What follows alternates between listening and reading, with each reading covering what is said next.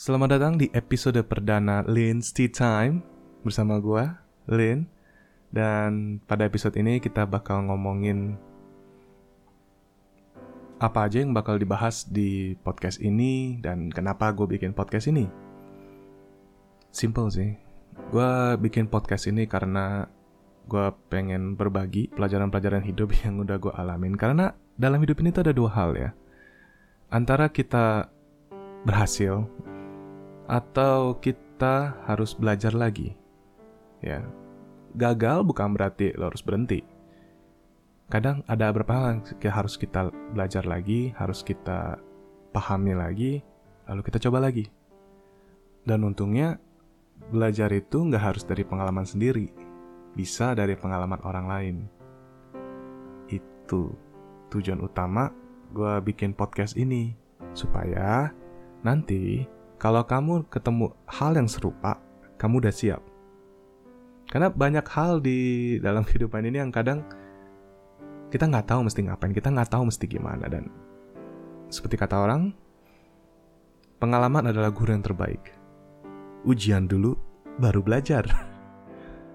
Jadi sebelumnya gue disclaimer dulu bahwa apa pun yang gue sampaikan di podcast ini adalah murni subjektivitas gue atau murni dari sudut pandang gue pribadi dalam melihat berbagai persoalan kehidupan, dalam menghadapi berbagai persoalan yang kita hadapi di kehidupan ini, apalagi bagi kita dewasa muda, mungkin bagi kamu yang masih sekolah juga mulai menghadapi masalah-masalah yang di luar akademik. Nah itu tuh kadang kita nggak tahu kapan datangnya, tahu-tahu datang dan kita terkadang dihadapkan pada berbagai pilihan.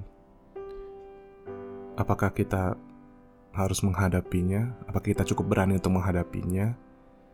Atau kita harus kabur, menghindar, atau malah nggak bisa ngapa-ngapain? Karena nggak ada pilihan sama sekali atau kita nggak tahu apa pilihan yang kita punya. Tapi yang pasti kita punya kesempatan. Kita punya kesempatan untuk mempersiapkan diri. Kita punya kesempatan untuk belajar lebih baik lagi. Jadi, jangan takut gagal, jangan takut mencoba, dan kita langsung masuk ke pembahasan berikutnya. jadi yang pengen jadi titik fokus gue pada hmm, kesempatan ini adalah kita masing-masing punya temponya, kita punya kecepatan masing-masing dalam kehidupan ini. Jadi terkadang kalau kita perhatikan teman-teman kita itu mereka kok ada yang sudah sampai di tingkat yang kita inginkan dalam waktu yang lebih cepat. Misalkan di umur sekian di mana kita masih di sini eh ternyata dia sudah dia sudah sukses dan mulai menikmati hidup. Ya itu kehidupan dia karena tidak menutup kemungkinan bahwa ada orang lain yang ingin berada di posisi kita sekarang. Bagi mereka, posisi kita sekarang itu sudah jauh lebih baik dari apa yang mereka hadapi saat ini. Nah, berarti pada kenyataannya kita semua berbeda satu sama lain. Jadi, tidak perlu kita melihat orang lain itu lebih baik, kita perlu kita merasa rendah diri karena kita belum sampai ke level yang sudah orang lain sampai. Yang harus kita fokuskan adalah bagaimana menjadi lebih baik, bagaimana menunjukkan kepada dunia versi kita yang terbaik, ya kan, daripada yang dulu sebelumnya.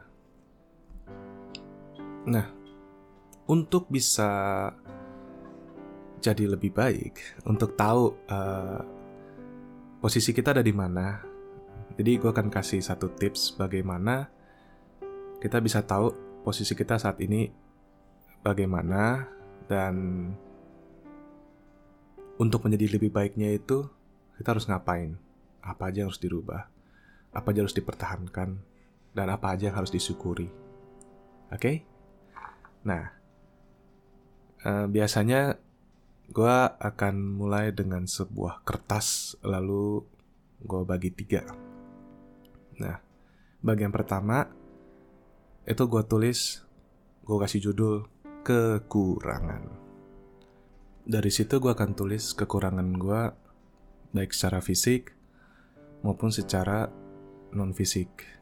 Contohnya gaya berpakaian mungkin gue kurang rapih misalkan atau ingin lebih profesional misalkan sebelumnya eh, penampilannya masih standar dan kita pengen lebih baik lagi.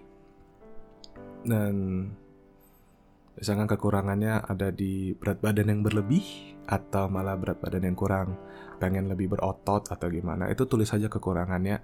Tulis saja tulis saja sebanyak-banyaknya. Nah kekurangan yang bukan fisik seperti apa? Misalkan kayak gue dulu dibilang bawel. Gue suka ngobrol gitu kan tapi gue dibilang bawel dan cerewet. Jadi tulis saja tulis saja semuanya. Oke? Okay? tulis saja nah kalau sudah selesai di bagian kedua kita tulis kelebihan. Nah tulis segala kelebihan yang kamu punya.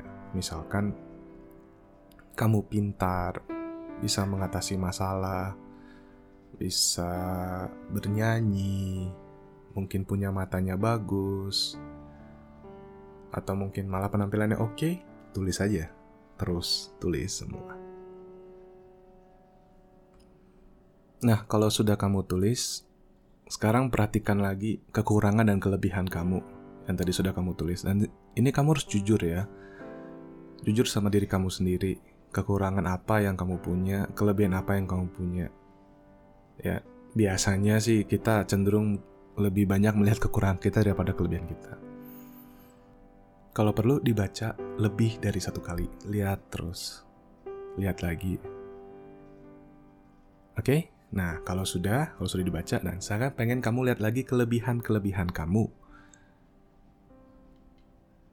Dan gue pengen kamu baca keras-keras kelebihan kamu. Ya, jangan terlalu keras juga ya, tapi sampai kamu cukup terdengar kelebihan kamu apa aja. Sudah itu, bersyukurlah atas kelebihan yang kamu punya. Ya kan? Bahkan kelebihan-kelebihan mendasar seperti anggota tubuh lengkap, bisa masih bisa bernapas, itu hal-hal kecil tapi kamu harus tulis. Nah, yang berikutnya, kita lihat di kolom kekurangan lagi nih. Kamu lihat mana yang bisa kamu pindahkan ke kolom kelebihan. Jadi kekurangan kamu yang bisa dijadikan kelebihan. Contoh, seperti yang tadi gue bilang, gue termasuk orang yang dibilang cerewet, bawel, gitu kan. Itu dulu gue tulis di kekurangan. Dan perlahan-lahan kekurangan itu malah menjadi kelebihan. Sering bertumbuhnya waktu, kekurangan gue ini membawa gue menjadi bisa berbicara depan umum, bisa ngobrol sama kamu melalui podcast ini. Jadi, ini berubah menjadi kelebihan gue. Bisa public speaking, bisa ngobrol sama orang, baik orang baru maupun teman lama, gitu. Nah, oke. Okay itu salah satu contohnya. Jadi kamu coba lihat lagi, kekurangan apa sih yang bisa kamu rubah menjadi kelebihan. Oke, okay, check your time. Pelan-pelan aja. Nah, kalau sudah, udah selesai nih kekurangan kamu nih. Sekarang, kau perhatiin lagi. Kekurangan kamu itu sudah berkurang. sudah, jumlahnya sudah lebih sedikit daripada sebelumnya. Ya kan? Nah, untuk membuatnya jadi lebih sedikit lagi, kita akan pindah ke kolom ketiga. Kan masih kosong tuh. Kolom ketiga, kita akan isi dengan hal-hal yang bisa kamu rubah dari kekurangan kamu. Oke, misalkan rambut masih berantakan, misalkan kayak rambutnya. Kita bisa bikin lebih rapi. Terus misalkan pengen lebih sehat. Misalkan dulu staminanya kurang lari aja ngos-ngosan. Nah itu bisa diganti. Dari kekurangan cepet capek cepet lelah itu masih bisa diganti. Dengan olahraga yang teratur dengan latihan itu bisa diganti. Jadi lebih baik. Oke, ditulis lagi di kolom ketiga. Hal-hal apa aja sih dari kekurangan kamu yang bisa kamu rubah, yang bisa kamu usahakan antara dihilangkan atau malah menjadi kelebihan kamu. Oke. Dan setelah kamu selesai di kolom ketiga, lihat lagi kekurangan kamu. Apakah mulai berkurang? Sudah lebih sedikit daripada sebelumnya? Ya misalkan kekurangan kamu tadi ada 15 misalkan lalu kamu pindahkan ke kolom kelebihan sekitar 5, maka jadi 10. Lalu ada tiga hal yang bisa kamu rubah.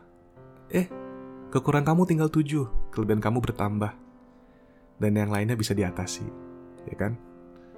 Nah, uh, latihan yang gue tadi kasih itu biasanya gue kerjakan setiap dalam selang beberapa waktu sih ketika gue lagi merefleksikan diri kalau gue lagi sendirian kadang gue nulis lagi kalau gue lagi down gue tulis lagi gue coba tulis lagi analisa lagi kekurangan gue apa kelebihan gue apa dan apa yang bisa gue rubah.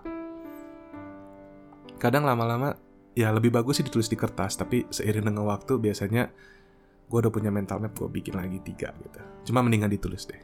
Nah kalau kamu nggak mau ada yang baca setelah selesai bakar aja. Ya tapi hati-hati ya jangan main api. Oke, okay? uh, eh, atau kamu bisa simpan rapat-rapat, terus bisa kamu lihat lagi. Nanti misalkan setahun lagi kamu bikin lagi, kamu bandingkan lagi, pasti ada perubahan, ya kan? Dan ingat, setiap orang itu temponya berbeda-beda, ya. Nikmati aja perjalanannya, karena kadang bukan intinya bukan ada di tujuan akhir, tapi intinya ada di perjalanan kamu ngapain aja, ketemu siapa aja, apa yang sudah kamu lakukan. Ya kan? Nikmati aja hidup ini. Just take it slow. Tapi ada saatnya di mana kita harus menggapai sesuatu, maka percepatlah. Kalau kamu tidak harus cepat-cepat, nikmatilah hidup ini. Oke? Okay? Dan demikianlah Lin's Tea Time buat hari ini, pada kesempatan ini di episode perkenalan ini dan semoga kita bisa ketemu lagi di kesempatan-kesempatan berikutnya, di episode-episode berikutnya. Kalau misalkan ada yang pengen ditanyain atau pengen ngobrol-ngobrol, bisa tulis di kolom komentar nanti gue pasti baca kok. Ya. Oke. Itu aja. Dan bye-bye.